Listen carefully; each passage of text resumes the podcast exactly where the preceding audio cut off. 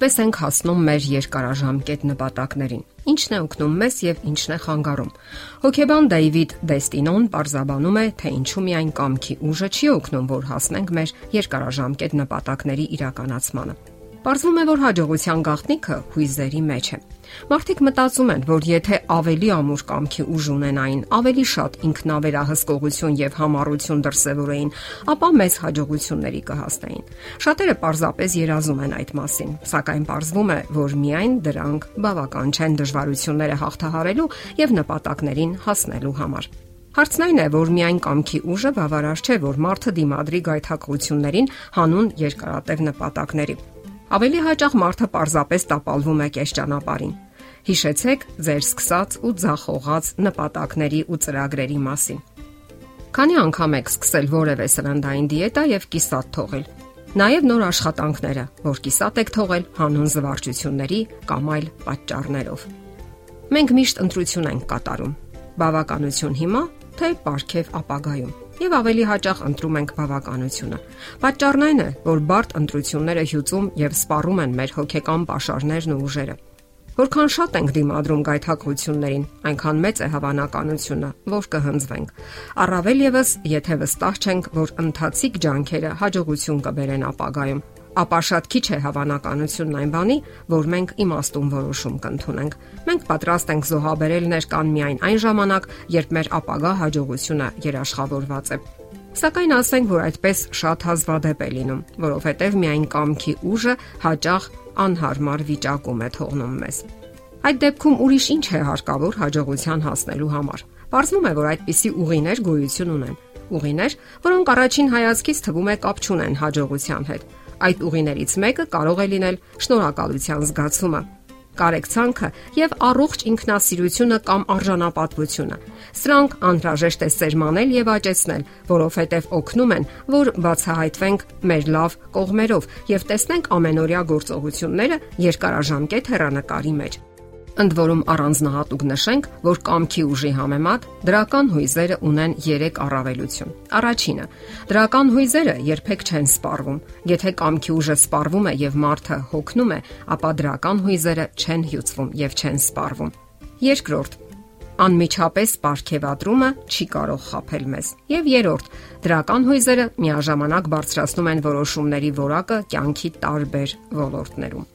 Կատարվել են փորձեր, ողրզելու, թե ինչպես է շնորհակալության զգացումը ազդում վարքագծի վրա։ Պարզվել է, որ շնորհակալության զգացումը համարյա երկու անգամ ուժեղացնում է ինքնավերահսկողությունը։ Փորձի այն մասնակիցները, ովքեր հիշել են տարբեր իրավիճակներ, որի համար շնորհակալ են եղել, հաճախ են պատրաստ եղել սпасելու գալիք պարգևներին, քան նրանք, ովքեր հիշել են երջանիկ կամ անտարբեր վիճակները։ Շնորհակալության զգացումը կապված է նաև պատրաստակամության հետ երբ պատրաստ ես զոհաբերություն անել հանուն ուրիշների։ Երբ մեզ օգնում են եւ մենք շնորհակալ ենք դրա համար, ապա մղում ենք զգում, որ ավելի հաճույքով օգնենք ուրիշներին։ Շնորհակալություն եւ համառություն զարմանալի համադրություն է, այնպես չէ, եւ այնուամենայնիվ դա այդպես է։ Պարզվում է, որ շնորհակալության զգացումը մարդուն ավելի համառ է դարձնում Հետազոտող Էլիս Այզենը ուշագրավ դիտարկում է արել այն մասին, որ շնորհակալության զգացում ապրած բժիշկները ավելի խնամքով են ուսումնասիրում այցելուների հիվանդության պատմությունները եւ ավելի ճշգրիտ ախտորոշումներ են անում։ Ի տարբերություն կամքի ուժի, շնորհակալությունը մեծ ջանքեր չի պահանջում։ Մենք ինքներս ենք բավականություն ստանում դրանից։ Իսկ ինչ է անհրաժեշտ շնորհակալ անznավորություն լինելու համար։ Այստեղ մեզ կարող է օգնել օրագիր պահելը Հարկավոր է գրել եւ վերլուծել այն իրադարձությունները, որոնց համար շնորհակալ ենք։ Բավական է շփհատը 2-3 անգամ գրառում կատարել։ Կարևոր է ուշադրություն դարձնել նաեւ մանրուքներին, երբ մեզ օգնում են, ասենք, ընկերները կամ գործընկերները կամ տան անդամները։ Կարեկցանքը եւս կարևոր է հաջողության հասնելու համար։ Ի տարբերություն շնորհակալության, այս դեպքում մենք ենք օգնում ուրիշներին եւ ընդ որում առանց ապարքեվատրման կամ փոխհատուցման ակնկալիքի։